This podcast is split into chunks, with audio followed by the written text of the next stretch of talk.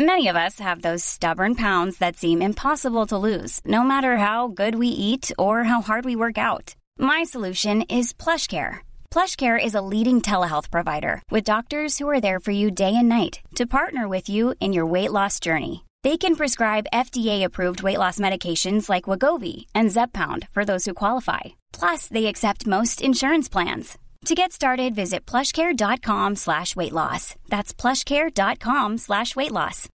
When you make decisions for your company, you look for the no-brainers. If you have a lot of mailing to do, stamps.com is the ultimate no-brainer. Use the stamps.com mobile app to mail everything you need to keep your business running with up to 89% off USPS and UPS. Make the same no-brainer decision as over 1 million other businesses with stamps.com. Use code PROGRAM for a special offer. That's stamps.com, code PROGRAM. Jag måste säga en sak Okej, innan vi börjar. Alltså våran podd har inspirerat så många. kul. Och det säger jag ju inte bara för att så här, gud den är så cool, utan det finns ett syfte med det här. Mm. Syftet är att den inspirerar unga, Mm. men också äldre. För min pappa ringde mig och han bara, farmor har börjat tagit kalla duschar på morgonen för att hon har lyssnat på dig och Viktor på eran jag podd. älskar det här. Det här är det roligaste du har sagt. Ja, som farmor sitter hemma i duschen på morgonen och tar kalldusch. Nej men fy fan vad gulligt. Farmor tar kalldusch. Åh Ja. herregud. Nej, men Jag ska alltså, se om min farmor också tar en kalldusch. nej, men för hon, hade blivit, hon sa det till pappa, hon blev så inspirerad av vår podd. Mm. Så hon började ta kalldusch. Alltså kan du förstå det? Det är helt underbart. Nej men det är jätte, jätte nice. Jag tycker det är så gulligt. Men det är alltså lite verkligen. det, den grejen man vill ha med en podd också. Det är, så här, det är klart att det ska kunna inspirera alla åldersgrupper. Ja, men du vet, jag visste inte ens att farmor lyssnade på vår podd. För att hon, alltså, såhär, men hon är så inne, alltså, vet, hon håller ju på med Instagram och hon, liksom, och var- hon är ändå ganska liksom, old, alltså, hon är ändå liksom 80 plus. Och hon går ju på dans och grejer. Alltså vi går och dansar med Det här- folk. Det här jag älskar med de som väljer att antingen så är livet slut, Ja, eller så fortsätter livet till den dagen det tar slut på riktigt. ja, Det finns ju ett talesätt som är att antingen så lever man livet, ja. eller så överlever man det.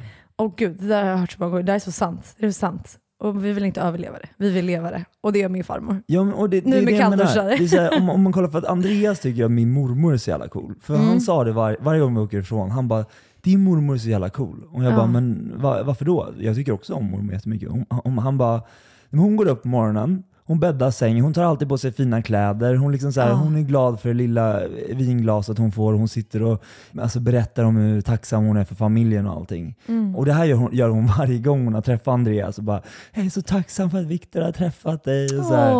Så att jag tror att vissa människor lever livet och vissa överlever det. Ja, men så där är exakt min farmor också. Du vet, hon, precis som din mormor, går upp på morgonen, du vet, bäddar och nu tar hon ju kalldusch då, då. Sminkar sig varje dag, du vet, fina kläder, fixar håret. Du vet, alltså hon är mer piffig än vad jag är. Alltså så här, nagellack, du vet, hon är liksom en, en kvinna.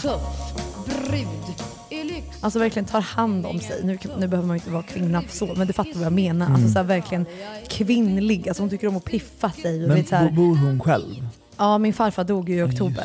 Så nu lever hon själv. Men det går faktiskt väldigt bra. Mm. Jag tror att i slutet, för min farfar var väldigt sjuk Mm. sen, eh, senaste åren. Så han var inte riktigt sig själv. Och jag tror att hon sörjde honom så många år Innan. innan. Du vet, att det var inte han längre. Så jag tror att hon sörjde deras liksom, kärlek. Jag ryser i hela kroppen. Ja, det är så hemskt. Och typ, hon sörjde honom så tidigt innan, så när han gick bort så var det liksom inte... Det är klart det var sorgligt, alltså herregud, alltså, vi var jätte, jätteledsna, och, alltså verkligen.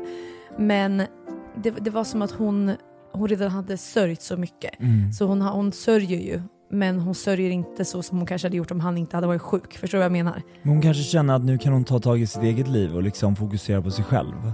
Ja men lite så, för att förut var det ju mycket om, det handlar mycket om att ta hand om honom. Du vet Mm. hjälpa honom att klä sig, hjälpa honom att äta, du vet så här, allting liksom, vad ska man säga, var kring honom. Så nu kan hon fokusera lite mer på sig själv. Och jag tror att det är bra, alltså så här, jag hoppas ju liksom att hon går på dans och har kul Mm. och kanske hittar någon snygg karl Ja där som fan, hon, kan, man vet aldrig. som hon kan hänga med. Men aldrig ska jag ångra, inte en Det är aldrig för sent att träffa någon. Framförallt Nej. inte i den åldern. Jag älskar det här hotellromantik. Och jag med, jag älskar det. För nu är det dags för ett härligt gäng 65-plussare att komma ur sina skal och få en chans till romans. Alltså, de här äldre snackar om. glad. Ja. Ja. Men det är det finaste Och vi har. ibland är de lite naughty också. Ja! Jag tänker leva livet. Akta dig för den där lady. Det är hot. Om jag är bra på att ligga, det beror på vad, det är för någonting. Att ligga och sola är jag bra på. Du vet man bara, det slutar aldrig. Alltså så här, de fortsätter och fort, ja men det, det är så, jag älskar det. Ja. Men din mormor, lever hon själv eller med någon? Ja, hon lever själv. Är din morfar bortgången? Ja, men alltså morfar är bortgången sedan många år tillbaka. Så att Ah. hon träffade morfar ganska tidigt, men han dog när han var ganska ung. Jag tror han var kanske fem, mellan 50 och 60 liksom. Oj, Så ja. att mormor har ju haft ett ganska alltså, hårt liv. Alltså, alltså inte hårt liv på det sättet, utan att, hon har ju levt ensam i Mm. så pass många år. Men ändå fast man gör det, inte för att man ska prata om någon så här klassskala eller så, men mormor har alltid jobbat som städerska, Mm. hon har liksom vänt på varenda krona för att få familjen att gå runt. Hon har gått upp eh, 4.30 varje morgon hela sitt liv. Jävlar. Och sen dog morfar tidigt, hon har haft så här hörselproblem och så. Mm. Så att liksom, att hon ändå går upp och liksom så här Mm. Är älskar glad. livet och liksom gör det bästa situationen. Alltså jag blir så rörd av det. Alltså gud jag blir så rörd nu när du pratar om det och blir typ så här, fan jag måste skärpa till mig. För jag, och jag ser att du blir rörd. Ja, men jag blev lite rörd på grund av att det är så här, jag tror aldrig riktigt jag har förstått det på det sättet. Nej. Att hur mycket faktiskt de, de äldre har, har gjort för oss Mm. och hur mycket de också kämpar liksom.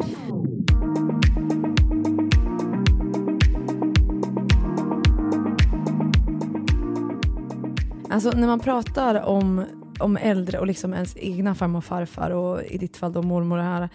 Alltså man, när man hör deras stories om vad de har gått igenom i livet så blir jag så här, jag är en bortskämd jävla snorunge. Alltså det är exakt det jag tänker. Och sen typ så glömmer man bort det lite grann och typ börjar klaga på typ så här, men gud jag har inte färska jordgubbar idag. Alltså förstår du, man liksom är bortskämd som fan. Och sen pratar man om dem igen och blir påmind om att så här, gud alltså jag måste vara liksom, alltså jag är så bortskämd, jag är så liksom privilegierad. Och sen så tappar man det igen. Men det är så bra och viktigt att påminna sig själv om det man har och vara lycklig för de små sakerna. Som din mormor, du vet hon går upp med ett leende ändå på morgonen och bara gör det bästa av situationen. Jag är ganska dålig på det. Det är någonting som jag verkligen måste jobba på. Typ Marco, min boyfriend. usch, det känns så konstigt, eller usch, inte usch, men det känns så konstigt att säga det. Så här. Han är ju här nu också. Han är här nu! Ja. Ja, det är han. Eh, du ska prata om det också. Men han är en sån som är så tacksam för allt och är så glad för minsta lilla. Du vet, i Marbella, vi kunde typ gå strandpromenaden som vi typ gör varje dag. Det är så här, jag har sett det nu varje dag i så här många dagar. Jag älskar det, men det är inte så att jag säger wow, så längre. Men han gör det. Han typ påminner mig. Du vet, han typ så här tog med mig när vi gick på strandpromenaden, för jag bara går. Så var powerwalk, sen är vi klara, äter frukost, nästa grej. Du vet, nästa, nästa, nästa, nästa. Det här som både du och jag har tror jag.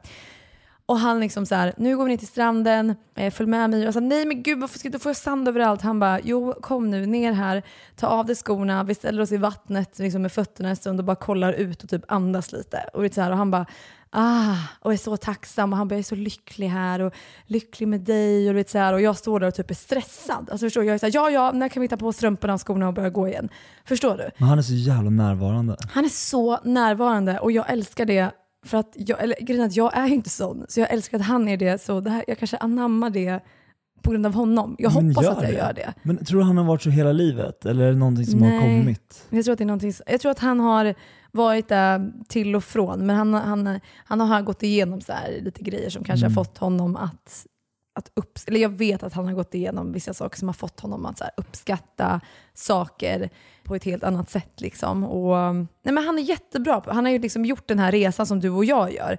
Den har han gjort. Han är inte klar, han håller också på med sina grejer, men han har gjort den här liksom stora resan som du, det här uppvaknandet. Så jag blir så inspirerad av honom. Och det var därför du vet jag typ föll för honom lite i början, för att jag var så här: wow, han typ, jag vill leva exakt som han lever. Så ja, nej, men han är en sån person i alla fall. Fan vad kul. Älskar människor som man ser upp till. Ja. För det är nästan som att man bara säger men jag vill också leva sådär. Ja. Och då är det nästan som att man bara försöker i alla fall bli lite bättre på att liksom göra saker men lite bättre och framförallt Ja. att känna uppskattning. Men jag är exakt som du, ibland när man vaknar morgonen och man bara, livet är ett helvete liksom. Ja, och det är Men- så svårt att vända det liksom, men vi måste bli bättre på det här. Men det går sakta men säkert. Om ni har tips på hur man kan typ börja bli lite mer tacksam över små saker så skicka in det till oss för jag vill verkligen veta. En sak som jag också skulle säga mer om typ så här, äldre människor och deras typ, alltså ens liksom farmor, farfar, mormor, morfar, den äldre generationen. Alltså min farmor, hon hade sin, hon har en stora syster och hennes pappa, ska vi se här, hennes pappa dog när hon var typ, undrar om hon var 11 och hennes syster var typ 9. Och då hade de bara sin mamma kvar. Och hon liksom jobbade, ja, men som du sa, din mormor gick upp fem på morgonen, jobbade hela dagen, hela Ja. eftermiddagen, hela kvällen. Verkligen så här struggle i livet. Och deras liksom, mamma hittade ju heller aldrig någon ny man, så hon var ju liksom alltid ensam efter att hennes pappa liksom dött och sådär. Jättehemskt. Och min farfar, när man kollar på hans story, det är så här, bara den storyn är så här, wow, va? Du vet, så man blir ju helt så här mindblowed. Och sen så typ, när jag pratade med min farfar om hans story, då visade det sig att han har liksom typ åtta syskon, de är nio stycken. Så hans mamma får liksom barn varje år, typ i princip. Sen när han var liten bebis så dog hans mamma. Så då var pappan hade liksom nio barn. Och han bestämde, bestämde sig för att behålla alla tjejer, vilket var typ fyra eller fem. Och så hade de eh, fyra killar då, eller fyra eller fem, jag minns inte. Och de hamnade på barnhem.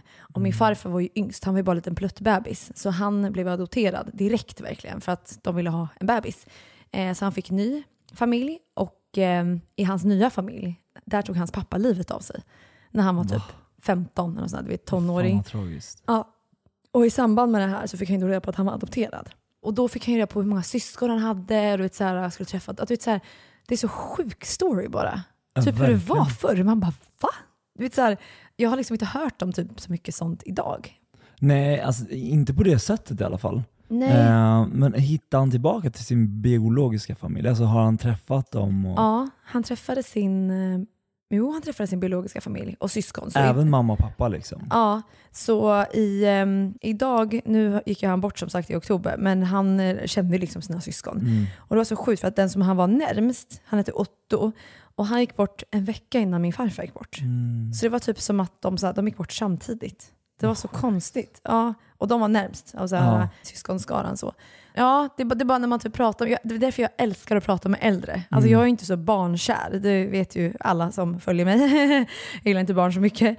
Men eh, jag älskar äldre. Mm. För att de sitter på sådana stories va? som är så du vet, djupa och fängslande. Men det är det här jag menar, det vore så jävla kul att ta med din farmor och typ min mormor, eller farmor, och, och bara så här, sätta dem med varsin mick framför och bara prata så här: okej, men vad skulle du säga till ditt yngre jag? Det är mycket yngre människor som lyssnar på den här podden. Vad, Ja. liksom, vad har vi för livserfarenhet och vad liksom ska man tänka på? Älskar. Tycker att det är, man blir så jävla vis av det på något sätt. Jag älskar det. Jag tycker det är en jättebra idé. Vem vet, alltså din mormor och min farmor kanske är perfect match. Ja, jag tror att farmor, farmor är bäst, för mormor hör inte så bra. Jaha, Men eh, farmor har också sina stories. hon har det. Ja, Är hon en rolig prick? Ja men gud, det finns ett klipp på henne när hon liksom kommer in till mig och bara Ja, jag fick ju morfin och så fick jag en drink av Viktor. Sen var jag hög. Sen låg jag och så blommor i taket. Det, det här har spridits på TikTok. Det blev Men, så här, men den här jag har sett på din Instagram som Ja, du visade. Jag ja, ja. dör. Och gud, det är din farmor. det är min Ah, jag farmor. trodde att det var din mormor. Men gud, då kanske vi har det. Din farmor och min, min farmor kanske är en perfect match då. Jag tror att det kan vara en perfect match. Det är kul att liksom så här, bara sitta och babbla med folk som har livserfarenhet. Ja, men det är det bästa jag vet. Det bästa jag vet. Jag måste fråga dig Viktor, hur känns det efter de här två avsnitten som nu släppts? Vad har liksom hänt efter det? Men gud, det blev som liksom en bomb. Ja, Jag tror inte riktigt jag tänkte på vad som skulle hända för att jag släppte ju ett avsnitt bara för att liksom komma till freds med mig själv. Och, och jag tänkte så här, det var inte något sätt, nej men få medlidande utan snarare att det var så här, men det var ett sätt i min läkning. Vi startade den här podden för att vi liksom ska må bättre Mm. och få andra människor till att må bättre också. Eh, och sen bara att få berätta sin historia. Mm. Det var viktigt för mig för att sen kunna gå vidare. Men nu känner jag bara så här, nu, nu är jag ju klar med den storyn. Alltså nu, nu har jag liksom kört ihop det där kapitlet och gått vidare. du vill inte älta det liksom, utan det, du har slagit igen det kapitlet som du säger. Ja, Mm. och jag tycker det för att det, så här, det var så länge sedan. Mm. Vi, vi snackar liksom 2018, 2019. Det är fyra år sedan nästan. Mm. Så att liksom, livet har tagit en vändning. Jag fick eh, liksom lära mig den hårda skolan, den hårda vägen. Och jag gjorde en förbättring. Ja. Och sen har jag jättemycket att lära mig av fortfarande och jag är absolut inte hel på något sätt. Men jag känner att man går vidare. Men det är ju därför vi sitter här. Alltså vi sitter ju inte här för att vi ska dela med oss av typ våra stories att folk ska bara “men gud stackars dig” och typ så här vad hemskt. Utan vi, går ju igen, eller vi startar den här podden för att vi ska kunna läka och för att läka så måste vi Mm. dela med oss av det här. Du och jag kan ju inte sitta och ha de här samtalen med varandra om inte jag vet vad du har gått igenom och du vet vad jag har gått igenom. exakt. och vi kan ju inte heller sitta och prata om det här och släppa det till våra lyssnare om inte de vet vad vi har gått igenom. Så vi på ett sätt måste ju gå igenom allt det här. Ehm, och det, det kanske, du vet många som jag pratar med som bara, men gud är den podden så himla typ, inte många, men vissa har typ så här, den är så himla djup och typ mörk och ni bara berättar typ massa tråkigheter. Och jag är så här, ja jo det kanske är sant att vi gör det, men vi gör ju det i syftet med att kunna släppa det sen och sen påbörja en läkning tillsammans med våra lyssnare.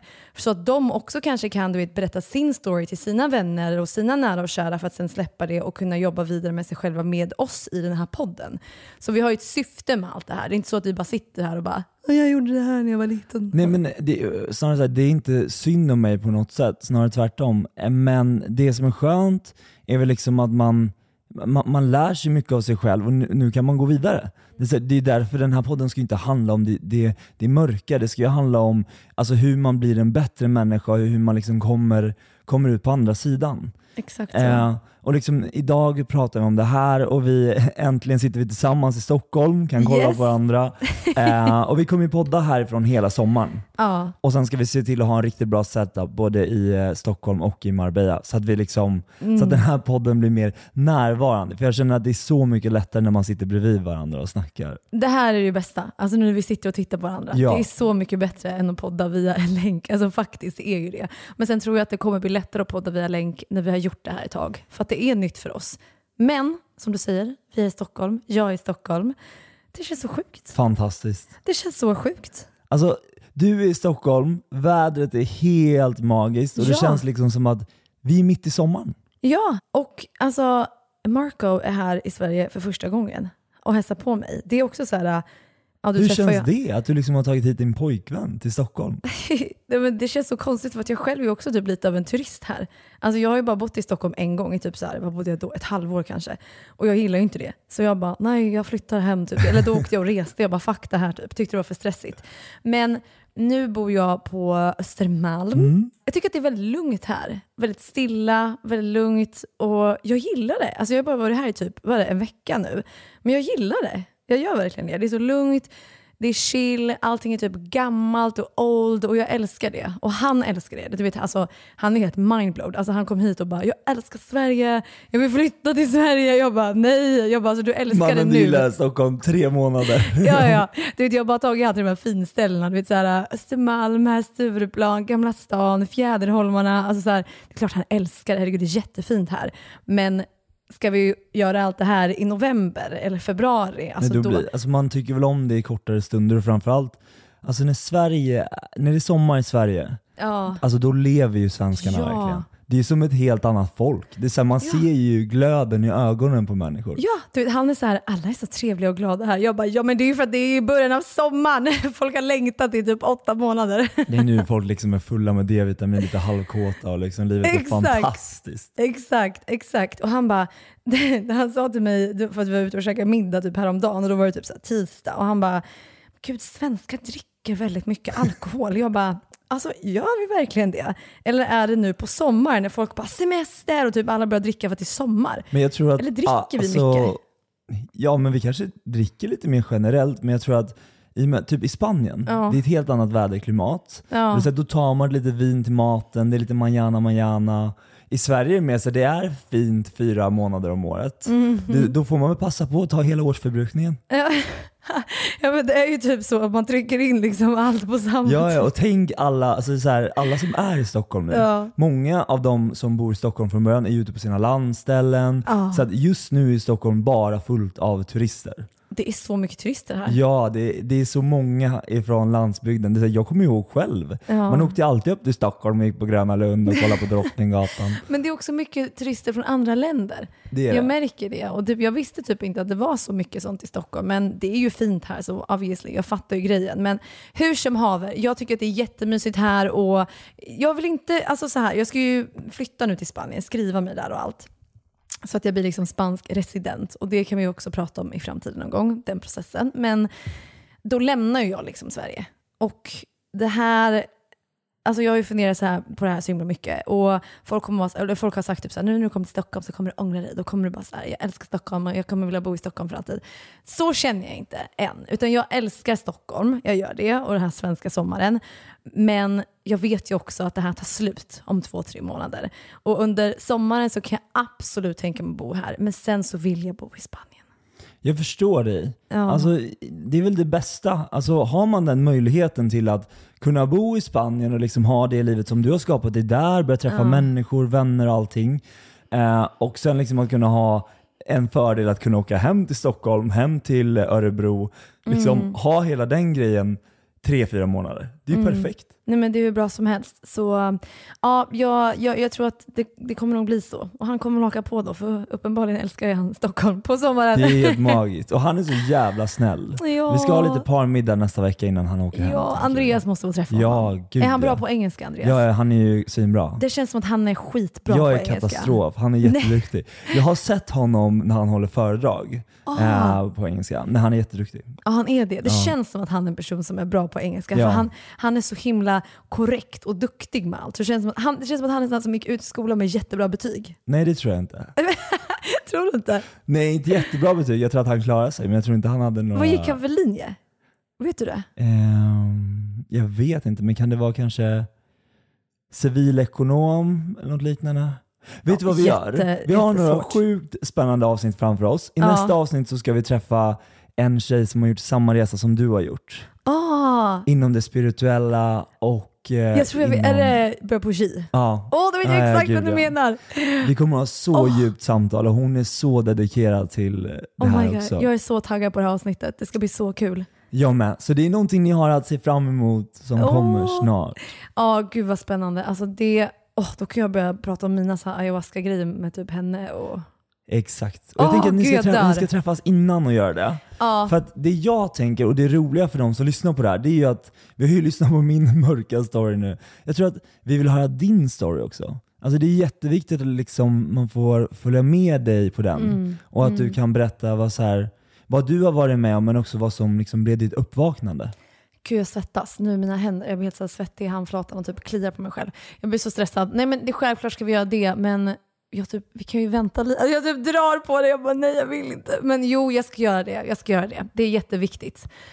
Jag måste bara kolla upp, kan man bli stämd för förtal och sånt där? Nej, När man pratar om folk, jag måste bara kolla upp det. Eh, nej jag driver, herregud jag ska inte outa dem på det sättet. Men, eh. Man blir livrädd. Eller hur? Jag bara, så Victor gjorde det här mot mig när jag träffade honom första gången.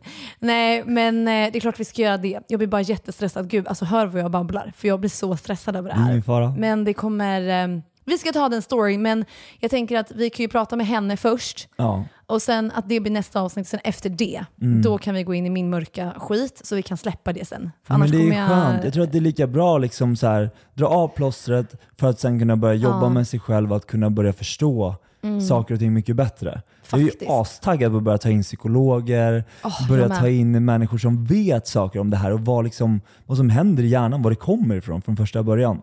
Och sen vill jag börja ta in gäster för Ja. att också börja prata om, men inte bara djupa saker i livet utan rent generellt börja lära känna människor. Ja. Och gud jag är så taggad på det här. Det ska bli så jävla roligt och jag är så glad att jag är här i Stockholm för att det här gör allting så mycket lättare. För att vi kan bara köra på hela sommaren och Mm. alla bor ju här typ. Alltså alla liksom kändisar som vi vill ha in i podden.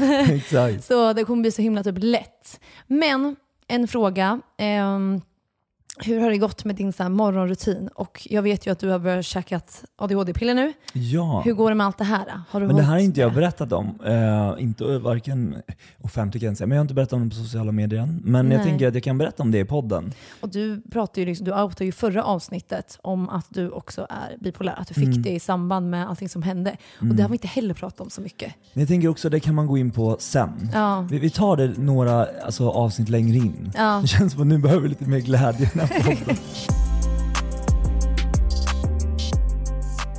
Nej men så här är det. Jag fick ju min diagnos ADHD när jag var 17. Det här Ja. har jag ju pratat om och skrivit böcker om och allting. Ja. Eh, Blivit omnämnd i låtar, allt. Eh, nej men och... Just ja, på tal om det. Jag hörde den låten på, eh, i Båstad på Ja. Summer On. Och då sjöng hovet. Kändes det? Ja, ja det, alltså jag kände så här, jag tänkte ju ringa dig och grejer. Nej men vänta, jag kanske har det på inspelning. Skicka det till dig. Jag tror du skickade till mig, men du skickade inte just den meningen. Nej, jag tror att jag missade just den meningen. Jag, alltså, jag, har inte, jag lyssnar inte på Jag dem. kände mer bara, det det är fine. Nej, men jag älskade det. Jag kände bara så här, sjung mer för att då Ja. kanske mer folk lyssnar på podden så får vi mer pengar. Nej jag skojar.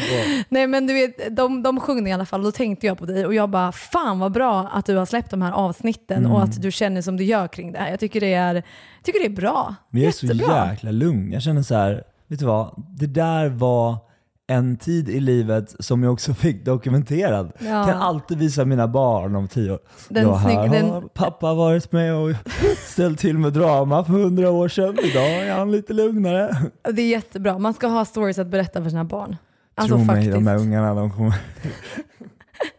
Eh, Alltså, ska man dock berätta det för sina barn? Jag tänker då kanske de ser det som ett free pass, att de får göra massa saker. Men de har ju fortfarande internet. Alltså så här, saker Ja, man har gjort kommer ja. finnas på för alltid i Fan det är sant. Man kommer ha sina memoarer. Vad är memoarer? När folk säger så här, det är alltid gamla människor som har Memoarer. memoarer. Ja vad fan är memoar? Nu måste jag googla. Jag ska Kör. googla. Du, nu fattar jag precis. Memoarer är en självbiografi. Mm. Så det är liksom samma sak. Det är samma sak. Ordet kommer ifrån franskans mémoré. Om man säger så. Som Memory. betyder minne.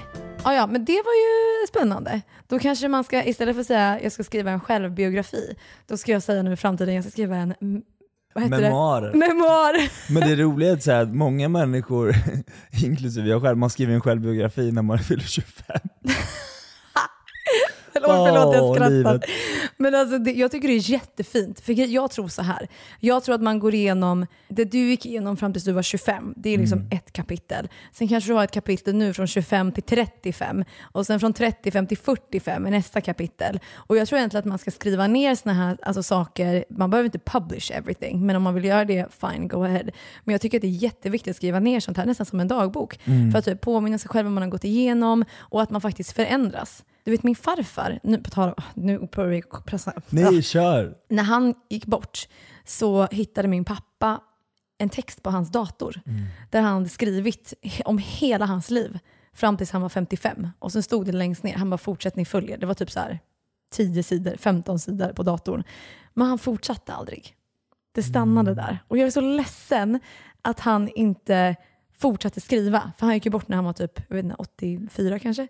Så jag hade önskat att han fortsatte med den här sista tiden, du vet. Så jag tycker att det är så Men jävla... det sjuka är att det här, jag säga, det här kan man göra business av. Men det var inte så jag menar, men borde man inte göra någonting att, så här, att innan folk dör Ja. så tar man in en skribent på hemmet så får de skriva Ja. ner hela sitt liv till sin familj. Jag förstår det var sjukt. Alltså det är så, så kul. Jag, alltså när jag läste det här, jag grät så mycket och var så glad och tacksam för att han delade med sig av det här. Alltså det livet han och min farmor har gått igenom och han, alltså det, ja, det var så roligt att läsa. Du vet hans ungdom, han skrev om att han, han köpte ju en bil eh, när han liksom var 17, då fick man inte ens köra. Och då hade han en chauff- en chaufför. Så han bara, som en chaufför, och du vet hans svenska också är så gammelsvenska. Ja. Så det är så charmigt. Och han bara, min chaufför tog mig till alla fester eh, där jag liksom plockade upp tjejer. Så jag hade så många olika tjejer i den här bilen. Liksom. Och sen träffade han farmor och det blev liksom då den sista tjejen. Fy fan vad roligt. så du vet så här, och typ hur han och farmor träffades och skitsamma, jag ska inte gå in på det här. Jag tyckte bara det var väldigt kul att få läsa det. Så tips är verkligen att skriva ner era liv, fast man är 25. Alltså, jag tycker inte det är konstigt med det. Utan skriv, skriv dagbok eller en självbiografi, eller memoar om vi nu ska använda det ordet. Och bara skriv om er. För att går man bort och liksom vill att sina barn ska kunna läsa det, eller om man går bort tidigt till och med vill att sina föräldrar ska kunna läsa det, så har de det där. Och jag tror att ens familj uppskattar det så jäkla mycket. Så gör det. Gör det. 100 procent. Eh, jag, jag, förlåt, jag går också in på samma ämne. Men det är så kul när de äldre har berättat om liksom hur de har smitit ut på nätterna, gått ut Ja. och dansa. Eh, Jag kommer inte ihåg exakt vad farmor säger, men hon säger att hon, hon drog ut varje kväll fast hon inte fick och hon tog med sig killar på rummet. Så. Åh. Nej, men alltså, om vi tar in dem så får de berätta lite om Åh. sina stories. Här. Det finns så mycket sjuka grejer. Men jag älskar det. Och bara du vet, så här, lyssna på den tiden, typ hur man gick på dans, och Dans, man faktiskt dansade. Och typ farmor, jag var så här, för jag frågade henne, jag bara, men var man typ full? Alltså så här, drack ni och typ festa? För vi står ju typ, alltså folk kommer och trycker upp sin kuk mot min rygg typ. Alltså när jag är ute på, alltså fattar du? Och typ står och alltså, shakar med Ja. mig. Och jag är typ så här, vad fan är det som händer? Alltså du vet, blir livrädd, jätteäckligt. Ehm, och hon bara, nej usch, skulle aldrig dansa med någon som är full. Du vet så här. Nej, men det var ju inte samma grej då. nej. Varför är grejen idag att man ska vara stupfull för att liksom ha kul? Jag fattar inte. Jag älskar att dansa. Alltså grejen är att jag kan ju inte dansa. Men jag älskar Nej, att men dansa. Vem fan kan dansa? Nej men du vet folk som kan dansa Viktor, jag är så avundsjuk. Jag ska, ta, jag ska börja ta danskurser. Det här, jag och Antonia Mandi snackade om det här när vi var på Fångarna på fortet. Hon och jag och även Victoria, vi vill ta samba, salsa, zumba, whatever det heter. Jag vet inte ens skillnaden på det. Du kan ju dansa, du har ju gått fan Let's Dance. Nej men det var ju det jag inte kunde. Jag, jag blev kallad träben och eh, stabil telefonkiosk. Det var inte så kul. Men det var, det var väl i början? Nej det var typ i mitten men eh, ja. Vann inte du? Nej jag kom femma. Ja okej, men det var ju faktiskt bra. Av hur många? Sex? Nej. Ja, sexa. Eh, nej. Men det var väl jättebra att komma femma. Och alltså, du, men du kan dansa Victor. Jag såg ju dig dansa med alla tanterna på den här födelsedagsfesten vi var på. Jag kan tre steg. Nej, du kan dansa nej, jättemycket. Nej, nej, nej, nej, nej, nej, jo, nej, nej. hur som haver, jag vill verkligen lära mig dansa. För jag, jag tror att den friheten, du vet när man ställer sig Mm. typ med sin partner ute, när man är ute på någon dans, inte du vet så festklubb, men någon mer typ, du vet i Spanien också, när vi är där, det finns mycket sådana ställen. Men du ska kunna bröllopsvalsen, du kan gå i cha-cha, Ah, du kan liksom ja. göra salsa. Alltså, det finns asmycket la- dans man kan lära sig. Ja, och tänk den friheten att bara ställa sig där och bara dansa. Och det är typ som ett, jag kan tänka mig att det typ är som ett förspel om man typ gör det med sin partner. Fattar du? Det är sexigt. Typ pole dance. det är också en typ av dans. Gud, fast alltså pole dancing är ju skitbra träning. Jo tack, jag har försökt det en gång. Är det sant? Nej alltså jag, jag höll på att slå ihjäl mig. Alltså jag höll på att slå ihjäl mig, man skulle upp i den där stången och jag glömde hålla i mig så jag åkte ju rakt ner på huvudet. Alltså, det hade ju kunnat, det är fruktansvärt. Men hur kan man glömma hålla i sig Ja, jag i vet pole inte, men det var en dålig instruktör. Åh herregud. Ja, nu kom vi in på något helt, vi gick från ADHD-medicin, morgonrutin till Jätteweird. pole dancing. Men det är också det som är med den här podden, att vi kommer hoppa lite högt, lite lågt, så kommer vi tillbaka till den röda tråden. Ja men exakt så. Exakt så. Hur som haver, jag ska lära mig dansa, så är det bara. Älskar gamlingar. Men eh, hur går det med ADHD-medicinen? Ja, just det. Det var det vi skulle prata om. Nej, men så här. Jag har ju haft min ADHD-diagnos sedan jag var 17 och jag har aldrig riktigt känt att jag har kommit in i medicin när jag började med det. Så jag har gjort det en vecka här, en vecka där. Och då snackar vi om att först har jag provat Concerta, Ritalin, Elvans eh, och nu Atentin då. Och det här är Eh, olika, olika typer av ADHD-medicin. Ja exakt, och innan vi börjar prata om ADHD-medicin så måste vi ju säga det att det är väldigt individuellt. Ja. För vissa människor så är det livsviktigt att ta medicin. Mm. För andra människor så klarar man sig jättebra utan. Eh, och jag känner väl egentligen att jag har klarat mig utan till stora delar. Men jag märker att ett liv ska ju vara fullt fungerande. Mm. Så gott det går i alla fall. Eh, och jag har haft så mycket på mitt bord senaste året. Jag känner bara så här, nu måste jag prova en gång för alla om det här kan, om det här kan hjälpa mig. Känner du liksom att du har gett eh, en ärlig chans förut eller känner du att du har slutat när du har känt av biverkningar? Att bara, nej men det här känns inte bra. Eller känner du liksom att jag har verkligen försökt men det går inte? Eller hur, varför, Först- vill du nu, varför vill du verkligen göra det nu? Första gången var när jag var 17. Ja, okej. Eh, och då var det Concerta och den var ju jättestark. Och den var jag tvungen att prova på ett, Ja. typ i fyra månader. Men jag slutade ju äta, jag hade ju ingen aptit, åt ju bara på nätterna. Ja. Gick ju ner jättemycket i vikt. Och mamma och pappa bara, jag känner inte igen min son överhuvudtaget. Så till slut var jag bara såhär, jag vill inte gå på den här medicinen, jag tycker den är fruktansvärd. Och du åt på nätterna för att du inte kunde sova på nätterna? Nej, för att jag, inte kunde, jag fick ju aptiten tillbaka på nätterna. Ja. Medicinen gick ur på kvällen. Men vad, blev de, eller gav de pillerna också dig alltså, att du inte blev trött på kvällen? Alltså att du inte kunde sova? Jag kommer inte riktigt ihåg. Ja, kanske lite. Ah, okej. Men framförallt Mm. att jag kommer ihåg att jag var så här, Hungrig på ja, kvällen? hungrig på kvällen. Ja. Så här, åkte rakt in i magen. Eh, Av allt man kan äta ja. så sitter du och käkar digestivekex. Ja, nej Åh. men... Eh, och sen, eh, jag ska inte säga eh, jag ber om ursäkt till alla att jag säger eh ibland. Jag försöker att komma ifrån det, men det är inte så jättelätt. Mm, Det är jag med. Men Viktor får klippa det. Ja. Eh, Men nu har vi kommit fram till, eh, för tre dagar sedan, Och då var jag med så här, nu ger jag det här en ärlig chans. Det är Atentin jag provar på nu. Det är alltså en, en korttidsverkande eh, ADHD-medicin som ska göra att man ja, men blir mer stabiliserande. Och den kan du mixa med din bipolära medicin, eller? Precis. Eh, min bipolära medicin som jag tar idag heter ju Lamotrigin. Lamotregin. Lamotrigin. Okej, Och det är en ganska snäll variant egentligen av någonting som kallas litium. Ah. Men eh, de går jättebra tillsammans. Det här är en överenskommelse med min psykiatriker. För jag, man kan, kan man mixa vilken ADHD-medicin som helst med bipolar? Alltså hur funkar det? Ingen aning. Jag Det här är varför vi ska att- ta in någon läkare och prata Exakt, om. det Jag här är borde- det ja. man behöver förstå. Liksom, att ta in en läkare är ju verkligen att få, Mm.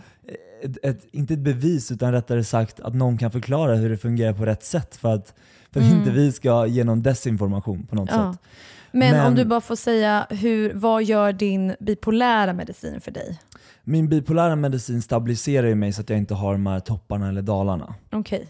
Och just den här ADHD-medicinen nu an, anser jag att den skärper mig i mitt fokus och får mig till att hålla mig till de punkterna jag ska göra och inte att jag seglar iväg för mycket. Mm. Mm. Men det här är ju tre dagar sedan, så det här är ju tredje dagen jag är inne på dem. Och jag, var, jag ringde ju dig direkt. Ja. Jag bara, nu är det biverkning. Nej, men, så jag känner ju att käkarna är ganska spända. Ja. Eh, och jag känner verkligen också så att man har lite ont i huvudet. Mm. Men man får ju saker gjort. Och jag har bestämt mig nu för att nu kör jag det här i fyra veckor i alla fall. Mm. För att prova på och se vad blir resultatet. Och jag tar ju så otroligt lite med. Alltså jag delar, det minsta styrkan delar jag i två. Ja. För att liksom komma in i det sakta, sakta, sakta. Och ändå känner du av liksom... Jag ändå känner jag av det. Jag måste Ja. liksom... Men det är klart, alltså det är ju ändå medicin så hade det varit konstigt om du inte kände av det. Så det är klart du känner av det. Men det är nog jättebra att du gör som du gör, att du liksom bygger upp det successivt istället för bara pang på. Liksom. Det, är, det är jättebra. Men jag ser på dig att du har tagit det. Alltså jag märker att du Ja, har tagit man är det. lite stissig och det är så här, Ja. man försöker ju liksom andas och vara lugn. Men jag känner, stackars partner, stackars Andreas, alltså herregud. Men märker han skillnad? Ja men gud, just nu jag ska hitta på så mycket grejer. Jag ska ju upp för berg och jag ska ju liksom ta tag i gamla saker som har legat. Han bara, Ja. Lugn, Men nu är det- kväll, bort men- med telefonen. Men han kommer hem liksom från en, en, en dag på jobbet, liksom. lite trött, har typ varit och tränat, vi typ lagar lite mat och sätter sig och kollar på, på film. Liksom. Och, då, då ska du liksom riva upp och möblera om hemma. Det här, alltså det här var ju innan jag började med ADHD-medicinen. Så det är ju ständigt den här grejen att, för han jobbar ju från 8.30 på morgonen. Ja. Och jag har ju mer ett flexibelt jobb där jag gör jättemycket, men att jag ibland är hemma också. Så att, men jag, det är som att min hjärna slår på. 18.30, 19.00 ish, då börjar hela min, Du- mitt hjärnkontor. Och 22.00 ska vi inte ens prata om. Då är jag liksom Einstein. Alltså det är så sjukt att du säger det här. För igår när jag och Marco var på Fjäderholmarna, så mellan fyra och våran buss, eller våran båt menar jag, hem gick 18.30. Mellan fyra och 18.30, jag var en zombie. Mm. Alltså jag gick runt där och bara, Åh, jag kan inte andas, jag är så trött. Alltså jag höll på att liksom svimma för jag var så trött. Vi tar båten hem, kommer hem och jag bara bam, du vet exploderar av energi. Jag stod här klockan 22, exakt 22 som du säger. Och typ står och hoppar av så här och typ dansar. Och han ligger i sängen och bara snälla jag är jättetrött, typ så här, jag- vi gick upp jättetidigt i morse, kan vi inte bara gå och lägga oss? Och jag bara nej men gud, jag bara, kan vi ta på en Disney-film nu, ta på Hercules och sitter och sjunger med vet, till Hercules-låten. Alltså zero to hero, alltså du fattar. Det är liksom exakt som du, jag har liksom så mycket energi på kvällen och mellan där, alltså fyra till sju, är jag sjukt. är död. Alltså, Men det är som på morgonen, från när jag vaknar typ åtta, alltså jag går ju runt i en, i en halvtimme så här, jag bara jag är exakt hatar likadan. allt och alla, vill absolut inte se på någonting. Det är så här, kan alla bara hålla käften? Ja, men det svider i ögonen för man är så trött. Och så ofta har jag alltid gjort det misstaget att man tar upp telefonen direkt och bara så här. Ja, men man får inte göra det. Fy fan. Alla intryck bara kommer. Och det har jag faktiskt blivit bättre på att inte göra. Sen vi började med den här morgonrutinen Ja. så har jag faktiskt börjat sköta mig mer att inte ta upp telefonen. Det Ja. finns något som heter sun before screen. Eller, eller, Sun, ja, att man ska alltid få in solen en halvtimme innan man tar in telefonljuset. men hur lätt är det då i Sverige? Det är ju för fan sol här Ja jag vet, men tre just veckor om året. som är. Men får väl- du Andreas får- är skitbra på det här. Kan inte du Han går hem- alltid upp en halvtimme och sätter sig i solen innan han tar fram Gör telefonen. det? Ja, Men när, om det, men när det inte finns någon sol då? Ja, då går han till solariet. Nej, jag skojar. Och det skulle jag säga, kan inte ni köpa hem en sån här sollampa så får Kanske ni sätta er i den och så här, aha. Kan man sätta det på typ Jag tänker så här, fönstret som en film? kylskåpslampan. Får gå till på vinterhalvåret. Åh herregud, det är det ljuset vi har. Det är det ljuset vi har Ja. på, i Sverige på, På vinterhalvåret. Ja, ja. Gå till kylskåpslampan, alla som lyssnar på det här. Nu har ni hittat ett lifehack. Eller flytta utomlands som jag. Men eh, jag är i alla fall glad om du är glad för din ADHD-medicin. Om du känner att det är det som behövs just nu och det är det du vill göra så är jag glad för din skull. Men funkar inte det så skit i den helt enkelt. Men en fråga. Du har ju tagit Elvans. Mm. Är det ett år nu? Eh, jag började ta i juli Mm. förra året. Jag fick det efter Kompani Svan. Och jag kände bara, Ah. där kan man ju verkligen se att jag tappar det. så jag hade önskat... Hade jag Vissa haft min- saker är bortklippta, ni hade velat se den riktiga versionen. Ja, alltså mycket är bortklippt. Jag, tänker, jag känner bara så här, hade jag haft min medicin då, då hade jag vunnit. Nej jag skojar. Nej jag skojar. Nej men jag, eh, jag märker ju skillnad alltså, sen jag fick den och jag fick den efter Kompani Svan i juli. Så typ mitten av juli skulle jag vilja säga att jag fick det kanske. Men hur känner du, för att det här är jätteintressant och många som lyssnar på det här, både som har en familjemedlem eller som själva har liksom börjat med medicin eller har, Mm. har en diagnos, eller framförallt som vill ha en diagnos. Kan du inte berätta lite hur... Vill ha en diagnos. Nej men inte Vad vill, menar utan snarare kanske vill bli utredd för att man Jaha. tror att man har en diagnos. Ja, Ja, idag vill folk också ha en diagnos. Ja, det är trendigt idag. Ja men det är typ någon trend med, med det här men, eh, men jag fattar vad du menar, att man vill liksom ta reda på om man har en diagnos Mm. eller inte helt enkelt. Men hur var dina första veckor, första månaden? Så här, både biverkningar, bra, dåliga saker? Vad... Jo, men alltså, allt det du beskriver gick jag också igenom. Alltså, jag har väl alltid känt liksom mig lite eh, annorlunda, ska jag väl säga. Och alltid typ tänkt att så här, men jag har ADHD, men jag vill bara inte kolla upp det. Också typ, du vet, från när man var liten så blev man ju typ kallad för ADHD-barn. Och då har det typ satt sig i mitt huvud att så här, det är någonting dåligt. Mm. Förstår du? Att jag är typ inpräntat att man ska inte vara ett ADHD-barn. Eh, för att det är där jag har fått höra. Liksom. Men sen ju äldre man blir desto mer släpper man det. Herregud, alltså så här, jag skulle, nu, nu, det kanske är fel av mig att ens säga de orden idag. Eh, för att jag tycker att det är ett fruktansvärt. Jag tycker att det är hemskt att man använder alltså, sådana ord alltså, som i en dålig, ett dåligt syfte. Förstår du vad jag menar? Eh, men jag var typ under min uppväxt så himla typ rädd att typ ta reda på det för att då hade typ den här, det var inte mobbning, men de här orden hade blivit sanna för mig som en neg- i en negativt syfte. Förstår du vad jag menar? Så jag fick liksom min diagnos när jag var 30. Det var bara för att jag typ så här, jag var så här, jag måste ta reda på nu för min egna skull och om jag typ kan få hjälp med vissa verktyg eller om jag faktiskt behöver medicin. För som du sa i början, man, vissa behöver inte ens medicin och kanske kan få till vissa saker i livet på ett annat sätt hjälp med typ meditation eller rutin, en annan typ av liksom medicin vad man ska säga. Ehm, eller medicin. Så jag var så här, okej, jag, jag måste ta reda på i alla fall. Så jag betalade för en privat eh, utredning. Ja, för det är det man kan göra. Man kan ju både gå via landstinget Mm. och då tar det lite längre tid. Ja. Eller så kan man göra en privat utredning. Ja. Men jag gick via landstinget men du körde privat. Och hur gick Ja. det till? Men grejen var att jag hade stått i kö för landstinget. Mm. Alltså jag ställde mig i kö för att få det utrett år innan. Men då, det var mer typ så att jag sa, men jag ställer mig i kö, men jag vet att det tar sån tid. Så är jag inte det visste... ganska sjukt att det tar så lång tid, att det liksom inte Ja. är en prioritet i och med att det är människor, framförallt föräldrar, lärare, liksom där, Ja. där barns liv går till spillo på grund av att de inte har fått rätt förutsättningar. Nej men precis. Det här borde ju vara en mer prioriterad fråga inom, inom Gud, vården ja. och eh, BUP, psykiatrin. och grejen är att alla har inte råd heller att betala för en privat utredning. Alltså Nej, nu... Vi hade aldrig haft det. Nej, alltså så här, inte vi heller när jag var, när jag var barn, liksom, när jag var yngre. Men nu har jag sparat ihop pengar och kunde liksom, alltså, göra det här för mig själv, vilket Mm. är liksom helt otroligt. Jag är så jävla tacksam att jag kunde göra det och har den möjligheten. Så nu kunde jag göra det och därför gick det snabbt. Men annars, som sagt, jag hade ställt mig i kö, men jag fick aldrig någon hjälp med det. Och jag tänkte så här, "Ah, ja men det tar väl några år. Och så jag vet inte vad som hände med den här ansökningen, så jag var så här, skitsamma, jag sket i det. Mm. Men sen så kom det till en punkt där jag var så här, nej men nu måste jag verkligen ta tag i det här. Så jag ringde ett ställe. Ehm, tyvärr har de lagt ner idag. Mm. En polare till mig, hon var så här, vart är du din utredning för att jag vill göra samma sak? Och då gav jag henne numret till den som hjälpte mig. Men då visade det sig att de har lagt ner idag faktiskt. Vilket var synd för jag tyckte de var jättebra. Men jag kom dit och hade ett samtal med en läkare. om mitt liv i princip. Eh, och han då avgjorde väl han liksom, om han tyckte att jag ens behövde en utredning eller inte. Så att inte jag sitter där och betalar massa pengar och de ser inte varför. Alltså de, de kan liksom märka på en gång att men du har inte ADHD, så du behöver, alltså förstår du vad jag menar? Så jag Men tyck- berätta om de här testerna och det man får göra. Var det att du skulle sitta och slå på en, en så blinkande grej och kolla in? Och, hur Ja, hur var, var- utredningen? Men det var massa grejer. Men det var den första grejen, du vet ett samtal. Ett långt, långt samtal. Jag tror jag satt där i typ två, tre timmar och berättade om typ hela mitt liv. De intervjuar ju både dig, sen intervjuar mamma, pappa, alla. Man kan ju välja.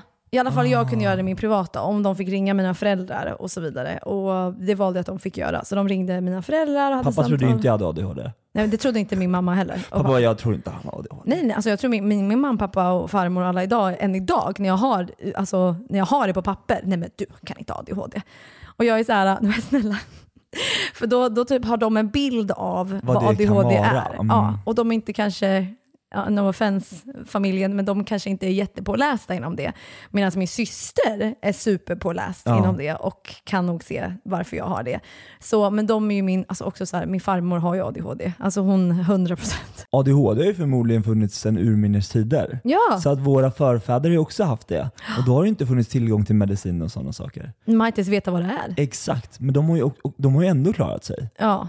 Så jag tror att det här med diagnoser kan också vara någonting som typ framkallas mer eller mindre mycket av sociala medier, alla intryck vi Mm. har. Så många tror jag blir feldiagnostiserade. Ja. För att antingen att de har en annan diagnos eller att de inte har någon diagnos alls. Mm. Utan snarare kanske att det är så mycket intryck i vad som händer idag överallt. Så hur fan ska man kunna klara av Mm. alla, allting som händer med notiser, TikTok, Instagram, Mm. samtidigt som du ska sitta med matteboken och liksom göra svenska, engelska, allting. Det är så här Ja. Hur får man ihop det Ja. om man är en sån själ som är lite vilsen och liksom att det är svårt att liksom hålla koll på koncentrationen och liksom att, ja, är du med jag menar? Mm. Alltså Exakt jag- jag- så som man inte var. Nej, men jag förstår precis vad du menar och det är så spännande att du tar upp det här för att jag och Marco pratade om det här typ igår senast för han hade sett någon sån podcast om det här. Jag ska fråga vad den heter för att eh, jag vill jättegärna se den själv. Det är typ en sån här videopodcast. Eh, och han var såhär, du måste se den verkligen. Jag kan länka till den på vår Frisk och Kvist eh, Mm, när jag funderar på vad den heter och du borde också se den. Och där pratar de om att så här, många barn, för nu pratar ju du om lite mer kanske tonåring, vuxna när man har TikTok och bla bla. Eh, många barn som blir diagnostiserade, diagnostiserade jag kan inte säga ordet. Sex laxar i en laxask. nu hoppar jag över det ordet för jag kan inte säga det just nu. Många barn som får diagnosen ADHD Mm. blir feldiagnostiserade. Heter det så? Eh, feldiagnostiserade. Ja, så. Diagnostiserade. Mm. Vad händer med, min, med mitt, ja, skit, mitt ta, min talförmåga är liksom bajs just nu. Anyways, fel, det, nu är vi med. För att ehm, de är barn. Alltså så här, Mm. Vilket barn tycker att det är kul att sitta i skolan och fokusera på samma skit i två timmar och sen har man rast i 20 minuter och sen sitter man i två timmar igen och ska lyssna på... Alltså alla barn läser på olika sätt. Alla barn behöver olika saker. Det, det är bara så intressant. Nu har inte jag sett den här dokumentären själv, men det var så intressant när han pratade om vad han hade hört och jag förstod verkligen att så här, shit, det kanske också är den lätta vägen att du vet ge ett barn eller tonåring en diagnos för att kunna medicinera dem för att man inte orkar kanske eller inte finns resurser för att ta tag i det act- alltså the actual problem. Att kanske det, behöver mer, det behövs mer resurser i skolan. Eller så här, Förstår du vad jag menar? Det kanske finns andra anledningar bakom det också. Samtidigt som jag också vet att det är väldigt svårt att få en diagnos. Nu kanske de pratar om, i den här podden om USA Men generellt och hur då det är kommer där. jag till nästa fråga. Det kanske inte är så svårt att få en diagnos. Kanske i alla fall för barn. Men jag tror att det är jättemånga som har en diagnos men som inte... Mm. Alltså nu sitter ju vi och pratar om, tänk om det är så här, tänk om det är så här. Så Ja, ta inte oss på är orden och typ så här, så här är det, jag kämpade för mitt barn, för jag vet hur det är. För min, eh, jag har en, en liksom nära person till mig som har gått igenom Jag tror inte att barn blir feldiagnostiserade. Jag tror Nej. att det är äldre som blir det. Ja, men jag tror att det jag menar med att det är svårt för ett barn att få en diagnos, det är för att det tar sån tid. Mm. Det är det jag menar. Det kanske inte, jag vet inte hur processen går till när man är ett barn, om det är svårt eller inte. Det kanske är den lätta vägen som jag säger, men det kanske är baserat på USA med tanke på att han som pratar i den här podden är från USA. Eh, och det han sa handlar om USA. Jag vet inte. Men generellt så tror jag att det är ganska, i alla fall min experience med dem jag vet som har barn, som har barn med en diagnos, att det har tagit väldigt mycket kraft och energi och tid för dem för att få igenom det. Du vet, få en resurs till skolan, för att få hjälp, man ska gå via SOS, vårdcentral, lalla. Alltså det är många steg för att få den här hjälpen. Men sen kanske att få själva diagnosen kanske är lättare. Jag vet inte. Ni som har barn med diagnoser, kan inte ni skicka in till oss och förklara typ eran process? Det hade varit jäkligt kul och intressant att läsa och vi kan ta upp det i kommande avsnitt också. Eh, så vi får lite mer svar på det här. Jag kan ju bara alltså, relatera till vad jag har hört genom vi, mina liksom, nära och kära och vad jag själv också gick igenom. Ja, 100% och sen tror jag också att ni som skickar in till eh, våran Instagram i DM, eh, framförallt också så här, berätta eran erfarenhet om ni tycker att ni har blivit väl bemötta sen av skolan, hur liksom skolsystemet har tagit emot med era barn eller er själva också. Liksom, för att jag tycker att det här är så intressant att prata om i och med att jag själv har gått igenom hela den här processen och jag vet de bristerna som var i, i min skola, eller i eh, det sättet där jag växte upp. Och jag, jag klandrar ingen, men jag tror att skolsystemet har fortfarande så mycket att lära av att alla människor är olika. Alltså jag skulle precis fråga dig, för att det här tycker jag är så intressant verkligen. För som sagt, jag har bekanta som har barn som går i skolan, som har varit med om liksom, alltså jättekonstiga grejer med just skolan. Fick du mycket hjälp och stöd när du gick i skolan med dina saker som du hanterade och dina föräldrar? Eller alltså hur, för som sagt, jag har sett och hört mycket hur det är idag och tycker det är så hemskt att föräldrar behöver gå igenom det här med sina barn och framför allt för barnen. Hur, hur var det för dig? Men jag kommer ihåg, alltså, mamma har ju fällt otroligt mycket tårar eh, för att det har varit så jävla jobbigt. Och pappa har bara stickit huvudet i sanden, vet jag, under några år. Men båda de två har ju gjort extremt mycket liksom för att få det här att fungera. Första gången jag kom in på barn och ungdomspsykiatrin på BUP, det var ju när jag var kanske 10-11 år. Oj. Eh, ja, 9-10. Och då sa de ju bara att jag hade en livlig fantasi. Så hade de där Livlig och då, fantasi? Ja, jag vet. Ja. Och eh, kärringen var lite gammal, hon visste väl inte. Åh herregud. Men om de redan då hade liksom satt en tydlig diagnos och hjälpt mig med att få någon form av medicinering så hade mitt liv sett helt annorlunda ut i utbildningssyfte och liksom hur min skolgång hade sett ut. Så där, jag, jag önskar att det hade varit så att de hade sett det direkt. För det Fast- hade sparat mig några år. Ja, fast Viktor ändå, hade du verkligen det? För att tänk om du hade fått all rätt hjälp då och fått medicinering och så vidare.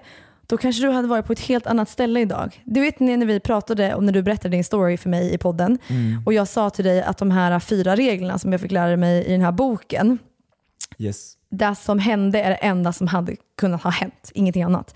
Du vet när jag tänker på det så tänker jag verkligen så här, ja det kanske hade sparat dig massa elände och skit som du har gått igenom och tårar och tråkigheter. Men hade du varit där du är idag 100% inte.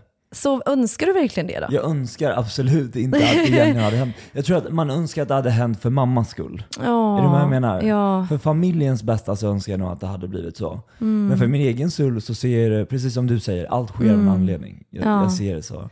Men berätta mer, så här, vad, vad fick du för biverkningar i början? Nej men jag fick, alltså precis som du säger, alltså min käke, första tre dagarna så kände jag mig liksom, okej jag lever mitt bästa liv just nu. Jag mådde jättebra. Men att jag var liksom lite såhär, det här känns konstigt. Men det är ju för att jag äter någonting här. Och jag käkade Elvans och tog 20 milligram, heter det så? 20 milligram? 20 gram? Vad är det? 20? Nej, inte gram. Nej, 20 Mi- millig- milligram. milligram. Heter Får det milligram? 20 gram då är det nog tack och hej. Nej men gud, så 20 milligram. Ja, Du vara. men vad äter du? Eh, 2,5 milligram. Nej, men, nej, det måste vara 2,5 gram. Nej, Så 25 nej, nej. milligram. Nej, det måste vara 5 milligram och så delar jag den i två. Då är det 2,5. Äter du så lite alltså? Du Ja. börjar så lite. Jag, jag, och jag känner ju redan av det. Ja, men det är ju jätte, alltså, som jag sa, det är jättebra att du börjar så lite. Jag börjar ändå på 20 direkt, men jag vet inte om det finns mindre i Elvans. För han skrev min läkare skrev ut dem till mig på en gång, alltså 20, att det var det jag skulle börja med. Jo men jag har ju haft Elvans också Ja. och provade i tre dagar. Jag bara oj, jag tar livet av mig. Alltså typ så. Oj, ja, du mådde In- inte bra. Inte så, men jag mådde så jävla dåligt. Förmodligen för att dosen blev alldeles för hög. Oj, Eh, ja. Så att liksom börja på det här sättet går mycket bättre för mig. Men det, det är återigen det vi pratade om i början, det här är ju så jäkla individuellt. Alltså så här, det är så sjukt att det kan vara så skillnad på oss två. För jag mådde ju så bra. Mm. Första tre dagarna när jag tog 20 dagar, jag var så här, oj, är det så här vanliga människor känner? Alltså att man orkar ta tag i saker, jag kan göra en sak och avsluta den utan att börja På med ny. 15 andra saker.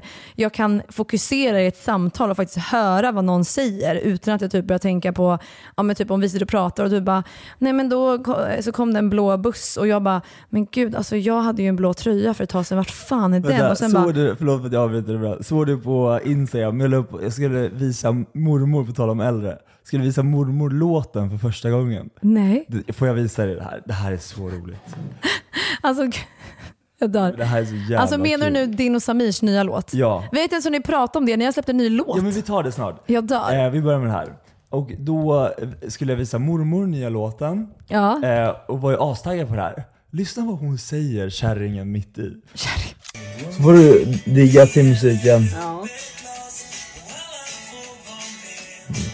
Vad är det? Är det något bra på tv ikväll? Hörru, nu är det dansen du fokuserar på. Jävla kärring. Vad säger hon? Jag hör inte vad hon säger. Hon säger, är det något bra på tv ikväll? Nej. Så hon liksom, Sluta! Säger hon det? Jag dör. Hon gillar inte era låt. Jag dör. Grejen att hon, hon säger också i början, hon bara, nej men vad är det? Det är så här. Hon typ mumlar ju lite så här, men vad är det här? Och sen typ bara, "Äh, finns det något bra på tv ikväll? åh jäklar. Nej, alltså, hon är så jävla ikon min mormor. Alltså jag Ah. älskar att hon är så rå. Alltså du vet, åh jag dör. Åh det är så Det är det som är roligt med äldre också, de säger ju rakt ut vad de tycker. Nej, men du vet, de- Noll filter. Nej, men du vet, nu ska jag också berätta en grej om min farmor, bara för att vi tar upp äldre nu igen. Alltså, vi är ju besatta av äldre, vi älskar ju äldre. Det enda vi pratar om i det här avsnittet är äldre människor. Men när min farfar hade sin begravning, alltså det här är ju inte roligt, men det är ju ändå kul. För min farmor slänger bara ur sig, och min farfar gjorde också det, slänger bara ur sig saker. Som du säger, det finns ingen Mm. filter, de fattar. Ja, mm. Sen står pappa då och håller ett tal inför hela församlingen, liksom, när vi sitter och äter då smörgåstårta. Ehm, eller vad det nu var. Nej, räkmacka var det. Alla hade räkmacka. Ehm, och pappa håller tal. Jättefint. Alla gråter. Du vet så här. Och min farmor, vet, jag, har, jag har det här på video också. Jag ska spela upp för dig. Alltså jag älskar Hon- det, alltså äldre, alltså shout out till hela ålderdomshemmet, jag älskar er. Nej, men det är helt, alltså du vet, jag önskar att jag också var sån här som bara skiter i och bara säger vad man tänker och bara ja ja. Nej, men nu ska jag också berätta en grej om min farmor, bara för att vi tar upp äldre nu igen. Alltså vi är ju besatta av äldre, vi älskar ju äldre. Det enda vi pratar om i det här avsnittet är äldre människor. Men när min farfar hade sin begravning, alltså det här är ju inte roligt, men det är ju ändå kul. För min farmor slänger bara ur sig, och min farfar gjorde också det, slänger bara ur sig saker. Som du säger, det finns ingen filter, de fattar. Ja, mm. Sen står pappa då och håller ett tal inför hela församlingen, liksom, när vi sitter och äter då smörgåstårta. Och pappa håller tal, jättefint, alla gråter, du vet så här. Och min farmor, du vet, jag, har, jag har det här på video också. Jag ska spela upp för dig. Alltså jag älskar Hon- det, alltså äldre, alltså shout out till hela ålderdomshemmet, jag älskar er. grejen var talet var ju ganska långt. För min pappa han hade skrivit så mycket och det är ju jättefint. Och min farmor blev ju lite less då att det var så långt. Så hon liksom skriker ut någonting i stil med typ så här: Ja, ja Lars, nu har vi hört det. Du vet så här, så, ja men gå vidare nu. Alltså förstår du? En sån grej. När han liksom står där på sin fars begravning och pratar om så här jätteviktiga grejer för honom. Du kan prata lite mer sen Lars. Du kan prata lite mer sen, om en stund. Och det är min mamma, för jag filmar ju och min mammas lilla ansikte syns i hörnet så hon typ vänder sig om och kollar på mig. Och vet, så här, kan inte hålla sig, vet, börjar asgarva. Ja. För min farmor liksom bara kastar ut sig någonting så opassande. Alltså, ja, det är så roligt. Men skärm, det, det, alltså, det gör ingenting för att det här är det charmiga med äldre. Det är ju det. Men det var det jag skulle säga, det är helt underbart. Och när jag var liten så sprang jag runt mycket på ålderdomshemmet för att vi hade vår matsal i samband med Jaha. ålderdomshemmet. som låg eh, vägg i vägg. Eh, och då var det farmors syster. Nej, farmors mamma var det. Farmors mamma. Ja. Hon hette Marry. Eh, Marry, alltså jag dör. Men gud, alltså min mammas mamma, alltså min mormors mamma, Ja. hon heter Mary. Ooh. Åh gud, de heter Soul Sisters. Mary Kay.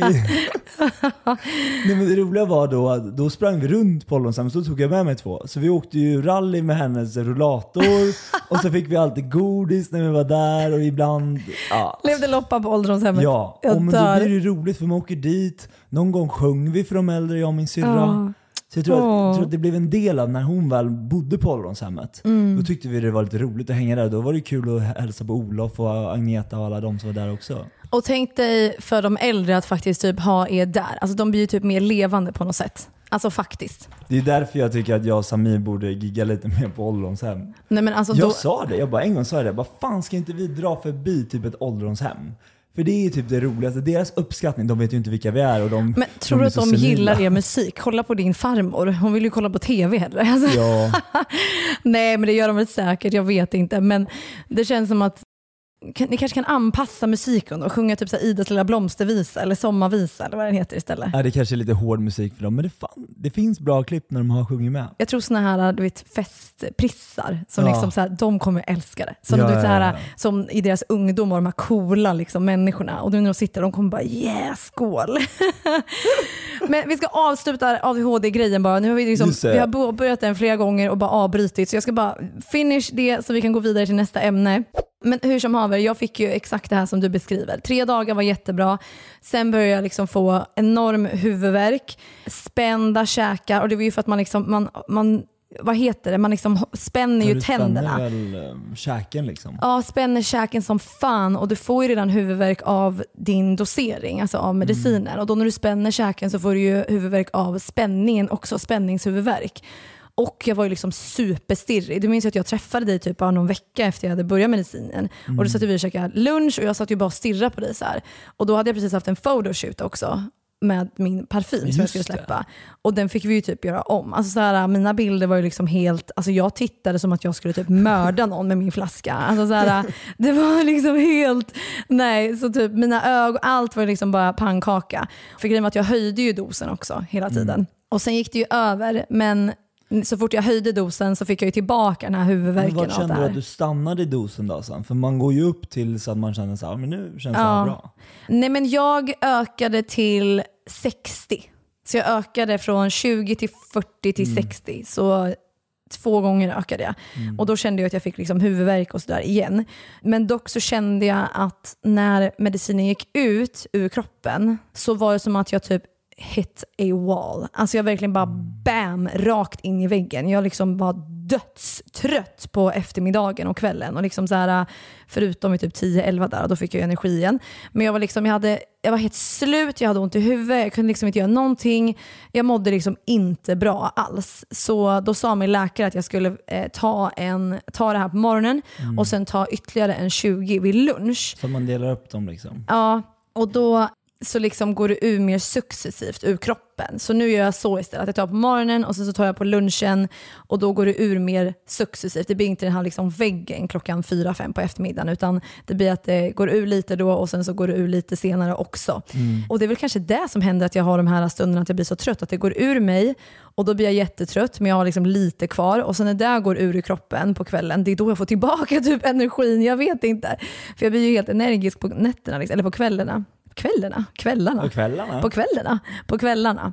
Eh, men det är så, och jag, de här, alltså det här du säger att man inte blir hungrig, det, jag hade inte heller så jättegod aptit i början.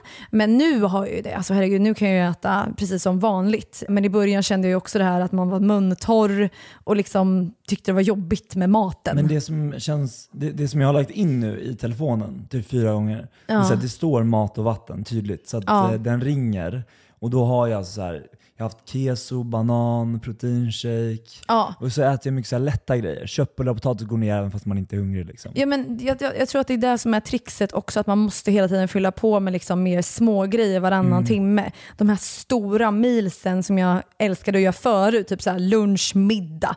Det kan jag göra idag, men i början var jag tvungen att liksom, du vet, så här, Mm. ta lite i taget. För att man, man, man är hungrig, men inte så att man kan äta en hel mil, utan man vill ha lite små här och där. Typ. Mm. Lite så var mer känslan.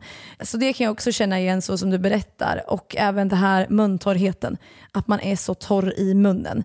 Eh, det har också blivit bättre nu med tiden, men i början var det liksom katastrofalt. Och då gick jag till apoteket och köpte såna här äh, slemtabletter som jag liksom sög på för att få liksom mer saliv till munnen. Men för mig, alltså så här, jag har ju bara testat Elvans och jag tycker att det har funkat superbra för mig. Det här funkar inte för alla, men för mig har det funkat och det är framför allt för, ja, men för att jag behåller mitt fokus. Alltså jag går upp på morgonen och tar det här pillret och när det liksom kickar in så kan jag, alltså det är det här som är så typ sorgligt, så som du sa, typ, att tänk om jag hade fått den här medicineringen, den här hjälpen när jag var yngre. Så har jag också tänkt, och bara shit vad jag hade kunnat, alltså kanske inte behövt gå igenom allting jag har gått igenom med mig själv. Alltså mitt mående, hur mycket hat jag har haft mot mig själv och ångest för att jag inte klarar av saker, för att jag inte kan behålla liksom, varken mitt lugn eller mitt fokus. Men samtidigt så vet jag att det är det enda som hade kunnat ha hänt. Så jag försöker mer se det som att det har varit en lärdom alltihopa och att jag, for, alltså jag fortfarande strugglar. Det här är ingen mirakelpiller som gör mig till en helt annan människa, absolut inte. Jag strugglar fortfarande med impulsivitet, att jag kan bli jättearg, jätteledsen, mina känslor liksom upp och ner, upp och ner, upp och ner. Men det här gör det lite mer... nu fick du en notis på din mobil där det står mat, plus vatten. Ja. Vill du ha en liten, liten bulle i kylen Men här? det är lugnt, vi åt ju en liten bulle förut. Eh, nej men det, det hjälper mig mer med att komma igång och kunna klara av alltså min vardag på ett kanske också bättre sätt. slutföra saker. Känner du att du liksom har blivit bättre på att slutföra? Ja, jag påbörjar och slutföra ska jag säga. För Mm. förut kunde det vara så här, jag var så seg att ta tag i saker och jag visste att jag hade, okej jag har tio saker att göra idag här på min tallrik som är ganska viktiga ändå. Och det stressade mig och var ska jag börja? Hur ska jag börja? Och jag tappade det och sket att göra någonting istället och sen byggdes det bara upp som en stor hög och du vet, jag kunde inte. Nu kan jag ta tag i en sak i taget, avsluta den, börja nästa grej utan att blanda ihop allting. Och för mig är det inte jobbigt att säga okej nu ska jag ta mig till gymmet. Det är klart att det är jobbigt, det suger, jag hatar egentligen att träna men jag måste göra det för att det får mig att må så mycket bättre. Nu, förr var det så här, åh, du vet, så här, det var en, en kämpig känsla att gå ut med soporna, att gå och träna, att bara liksom gå, ta ut mina hundar. Nu gör jag det ren av bara per automatik. Jag känner inte så mycket, det är inte lika jobbigt. Det, liksom bara så här, dut, dut, dut, det liksom funkar bara. Och att jag som sagt kan, alltså det är så mycket kring det här. Det, alltså det, det är så mycket mer än bara den här biten, men det är den jag känner är störst skillnad. Men hade det inte varit så kul liksom att ta in en expert? Jag, jag, jag har ju min psykiatriker Simon Kyaga Ja. och jag tycker verkligen vi ska ta in honom. Ja. För han skulle kunna svara så bra på många av våra lyssnares frågor som Mm. vill veta massor om varför, hur, eh, som inte vi kan svara på. Men också att man själv, att vi får svara, Ja. ställa frågor. Ja, för vi vet ju inte. Jag sitter, vi kan ju bara sitta och berätta ifrån liksom hur det känns inom Ja. oss.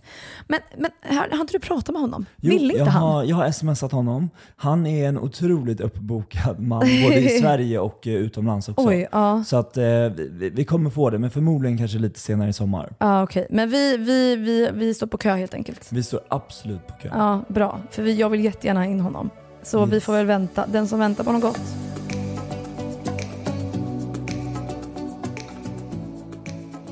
Jag känner att jag typ inte behöver gå in på mer detaljer typ kring min ADHD nu för att vi har poddat så jävla länge. Och eh, som sagt, vi kan göra ett liksom full on ADHD bipolära avsnitt med din psykiatriker Mm. och gå igenom allting där, hur det kändes och så vidare. Skriv till oss om ni vill det så gör vi det. Så går vi inte in på det längre in liksom nu. Men jag hoppas att medicineringen ska funka för dig Viktor och gör inte det så skit i den. Men innan vi avslutar här så vill jag fråga dig, hur känns det? Ni har ju släppt en låt, alltså Samir och Viktor is back! Ni har gjort en comeback! tar en skål för oss och sommaren Hösten kommer sen, hundra dagar kvar till vintern Vi tömmer bägaren, så släcker törsten Alla får vara med på Hur känns det? Men det känns så konstigt i och med att det var inte det som var tanken. Nej. Kommer du ihåg när jag skrev till dig bara, men jag ska in i studion? Ja! För det var ju, och då var det bara som en rolig grej. Ja. För vi hade inte pratat, jo vi har pratat lite om typ att göra någonting. Ja. Men liksom inte på det här sättet överhuvudtaget. Så vi kommer till studion och får höra den här låten, jag bara, men fan det här är ju skitbra. Ja. Vi kör liksom. Den är jättebra. Och sen vad heter det, har vi bara fått så sjukt bra respons och liksom så börjat, vi var på möte med vårt skivbolag igen och nu är det så här bara, men fan nu kör vi. Så nu ska vi in i studion och göra mer musik också. Så det var liksom inte en engångsgrej utan ni ska liksom fortsätta? Tanken var att det skulle bli en gång, men sen så började jag och Samir diskutera och prata. Och Samir är så rolig för det går från att vi ska göra tre spelningar, så bara, vi ska bara göra tre spelningar, bara, bara, bara. och sen bara, vi kan göra sex. Och jag bara, är du med vad jag? Åh, jag fattar, jag fattar. Men jag tycker det här är super, super roligt. Superkul verkligen och jag är så glad för din skull för jag vet att du tycker att det här är jätte, jättekul. Jag tycker och, det du, är ha- roligt. och du har pratat mycket om det. Men alltså jag, jag tror, vi pratade ju om det här förut, för du gör ju lite intervjuer och grejer nu, ganska mycket ändå. Mm. Och Samir gör ju inte det. Han har inte liksom riktigt varit med på det här. Eh, tror du att det är för att ni har gått igenom allt det här innan och ni båda, men nu har ju du pratat om det här så du kanske har släppt det lite mer, men ni båda har liksom gått igenom det här, har lite trauma från hur det har varit och han kanske typ är lite rädd för att här, gå in i det här igen, eller vad tror du? Men jag tror Samir är jätterädd för att det ska bli liksom som det blev när han brände ut sig själv. Ja. Och jag tror ju, eller jag vet, att det var ju en tid där vi inte hade koll på läget på det sätt som vi har idag. Ja. Idag är ju vi två vuxna människor som har stabila förhållanden, Mm. som liksom kan göra det här, men förstår också vart gränsen går. Mm. Eh, Det är därför jag tror att jag har mycket lättare för att ta intervjuer, för att jag tror han tar så otroligt mycket intryck. Framförallt då, tog Mm. jättemycket intryck och liksom så här på ett sätt som jag inte har gjort nu. Utan jag har verkligen bara såhär, jag kommer till studion, Ja. jag gör andningsövningarna, går in och gör mitt jobb och åker hem. Men tror du inte det är för att du har hängt kvar i media då Viktor? För Jo, han typ tog en paus, blev inte han mäklare och grejer? Jo, han blev Ja. ju mäklare. Ja han är mäklare nu och jobbar som mäklare nu. Alltså han är utbildad mäklare, men Ja. han hoppade av, eller hoppade inte av, men han avslutade jobbet som mäklare för att börja plugga igen. Ah, okej jag fattar, jag fattar. Ja, men du, vet, du vet, det här är en helt annan inriktning. Alltså, du har ju stannat i mediebranschen. Du har fortfarande gjort tv Mm. och du har kanske lärt dig nu att hantera allting. Du har gått ut med din story här i podden, du satt i Nyhetsmorgon och, och liksom var rörd av Kött. allt det här. Nej men alltså så här, ja, men, ja faktiskt, men det var jättefint. Eh, jag vill inte bara typ säga vad du satt och gri- Nej, gri- fan, det är grina. kul. Eh, nej men du har liksom kanske hanterat eller få, du har fått gått igenom det här på ett annat sätt än vad han har. Mm. Och då kanske han blir lite så här, han blir lite obekväm i det. För du har Men ju gjort det här nu Jag ett tror tag. han är lite rädd för vad, vad han tror att det ska vara. Ja. Eh, och jag förstår det 100% och det är Mm. därför jag eh, gör de här intervjuerna själv istället. Ja. Och det är ju ingen fara, folk vet ju vart han står och vem Ja. Samir är liksom. Ehm, Men så jäkla kul. Ja, att ni ska göra det här. När kommer nästa låt? Nu känner, jag känner mig som att jag är din intervjuare. När kommer nästa låt? Hur känns ja. det? Nej, men, eh, jag, jag vet inte riktigt, men vi ska in i studion i nästa vecka och börja Ooh. liksom så här. Jag tror att bara att släppa in oss i studion och börja, liksom så här, börja laborera med musik, hitta tillbaka till sina texter. Eh, Men hur kändes det att stå där och sjunga då? Kändes det helt normalt? Eller nej, kände det du bara shit vad konstigt det här Det var är? jätte, jätte weird. Men, kom ni, men blev det inte normalt efter ett tag? Typ att ni liksom kom in i samma vibe som ni hade då? Jo men man, vi åkte ju dit, jag hade varit i Göteborg på jobb hela dagen och så Ja. åkte jag dit på kvällen, så jag var hemma kanske 22. Ja. Nej men så gick vi in i studion och det var ju skitkul efter någon timme när allt hade börjat lossna, när man hade Ja. sjungit lite. Och sen när vi åkte därifrån på kvällen, då var ju vi så jävla taggade så vi åkte och käkade nattkebab, Ja. sen åkte jag hem till Andreas och det var så här bara, du vet, jag kände en lycklig känsla i kroppen och det var några dagar efter min syrra bara på riktigt, nu ser man i dina ögon att du är lycklig och det här var jävligt länge sedan vi såg det. Men nu blir jag, jag här, nu blir jag tårig. Nej det är ingen fara. Åh, vad fint. Ja, men det var faktiskt kul. Och liksom, Det känns typ som att ni liksom får vad ska man säga, gå tillbaka till liksom det fina ni hade. Ja. Inte det här mörka, utan ni kanske börjar om nu i det fina med liksom en stabil bakgrund och trygghet. Liksom. Åh. Jag tror att det är, är någonting som är superviktigt. Mm. Att man även, men det är samma med gamla vänskaper eller människor man liksom har träffat tidigare i livet men som man har avslutat ganska abrupt. Mm. Gå tillbaka till de människorna igen för att kunna återfå kontakt men kanske att man står på ett helt annat plan idag. Mm. Jag tror jättemånga sörjer vänner och människor Mm. som de vill jättegärna höra av sig till men det var så jävla tjabbligt då så att man är rädd för hur det ska vara. Mm. Men det kan också vara så här, du kan mista en vänskap för livet. Mm. Jag vet inte varför jag kommer in på det här, men jag tycker att det är så viktigt att man bevarar gamla vänner också, även fast man inte umgås med dem varje dag. Kan man fortfarande ha kontakt med folk? Alltså jag tycker, jag ser det där lite både och. Jag Ja. tycker att med vissa tror jag att man ska kanske försöka ge det en chans och så här, hur står vi nu? Typ så här, för om man liksom avslutar en relation eh, för att båda mådde dåligt eller det hände någonting, whatever. Liksom. Det är Mm. fortfarande toxic, man kanske inte liksom pratar längre. La, la, la. Låt det gå ett tag, sen kan man prata och liksom så här, figured things out basically. Och där och då kan man avgöra, typ så, okej är det här en vänskap som faktiskt jag behöver och som ger mig glädje och lycka och framgång och inspirerar mig. Och samma sak tillbaka, gör jag det för den personen? Eller är det bara en vänskap som man har för att man har varit vänner så länge och man inte vill bråka med någon? Jag tycker att det är otroligt viktigt att typ kunna separera det här, att man inte bara ska vara vänner för att man har varit vänner länge och la la la la la, utan vänskaper tar också slut. Vissa kan ta slut för fel anledningar och man måste gå tillbaka och liksom se om, om det bara var att man var själv mådde dåligt och gjorde fel. Och man är sårbar och öppnar sig. Liksom. Men vissa vänskaper tar nog också slut för att man har gått ifrån varandra och man har olika syn på livet. Det är ju det du och jag pratade om tidigare när man liksom nu när man gör det här uppvaknandet, det kan bli ganska ensamt. Och man förändras som person. Och om inte typ ens vänner, de man umgås med, gör samma resa eller accepterar dig för den nya personen du är, eller det du håller på med just nu, då kan man ju inte riktigt vara vän med den. Det blir ganska ensamt. Det är Alltså otroligt man, ensamt och jag, jag håller med dig på det sättet. Jag tror att det jag såg var mer så här, jag såg min och Samirs vänskap framför Ja. mig. Så att jag förstår det är jättemånga människor idag som jag, som jag också känner här, vi har nog växt ifrån varandra. Ja, Det men kanske vi- inte var the perfect match. som man typ trodde då. Men, eller så var man jättebra för varandra där och då. Men Ja. att man växer ifrån varandra. Ja, och jag tror att det är jätteviktigt att kunna separera. Är det en vänskap som jag behövde där och då och det var viktigt för min liksom, process och utveckling då, men jag, stann, det, jag lämnar det där. Det, det som ger mig ingenting idag och jag är inte den personen någonting idag. Eller är det en vänskap som att fan vad tufft det var då för både dig och mig och vi hamnade i skiten, vi slutade umgås för att vi inte mådde bra och kunde inte vara ett bra stöd till varandra. Men idag kan vi det för att vi är på en annan plats, typ som du och Samir. Det är ju ett tydligt exempel på en sån vänskap. Medan du och nu, ja, någon annan människa kanske inte är jättebra för dig idag. Nej. Du förstår skillnaden. Jag fattar exakt skillnaden. Så jag förstår vad du menar och jag tror att du tänker som jag också, bara att du ser dig och Samir nu och Jag det är tror så jag himla såg fint. det framför mig. Så jag, jag förstår precis vad du menar. Och, eh, men det är väl lite det som är grejen också. Det där vet man ju själv. Mm. Man känner ju magkänslan. Och man ska inte stanna i varken relationer eller vänskaper om du inte känner att det är en fucking bonus typ i ditt liv. Och du ska vara en bonus för den också i dens liv.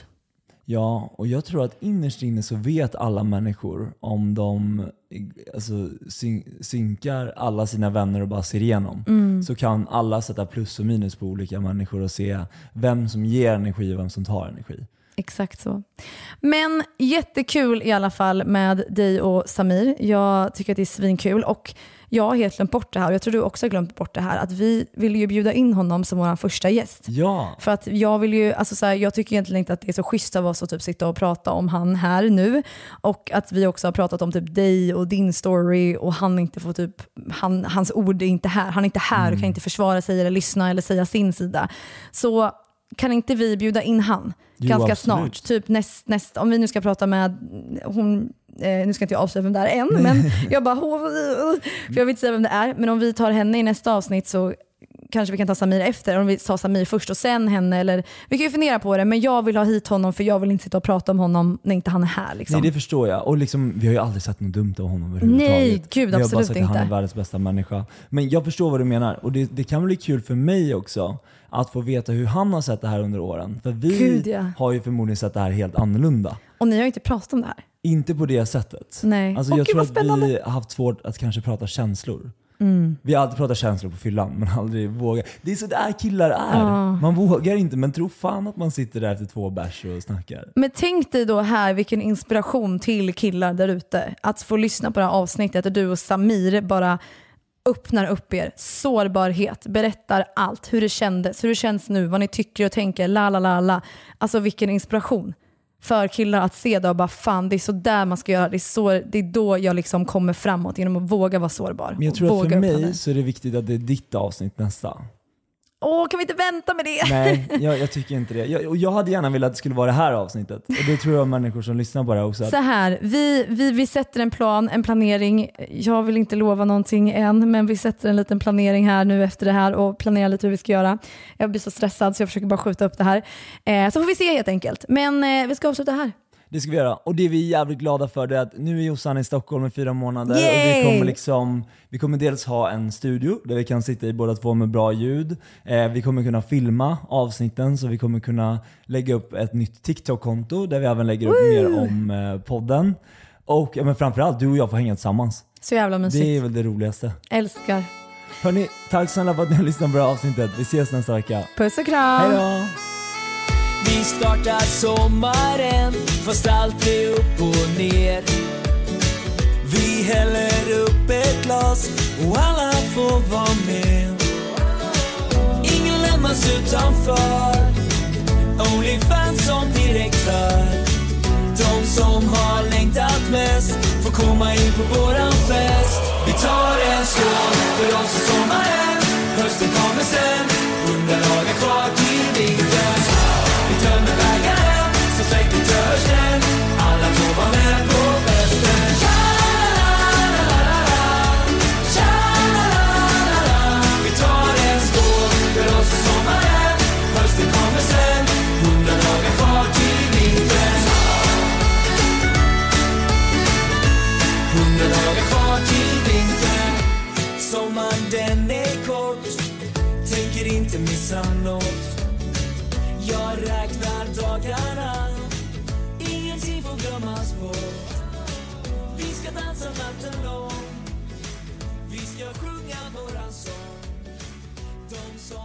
Längtat mest komma in på våran fest Vi tar en skål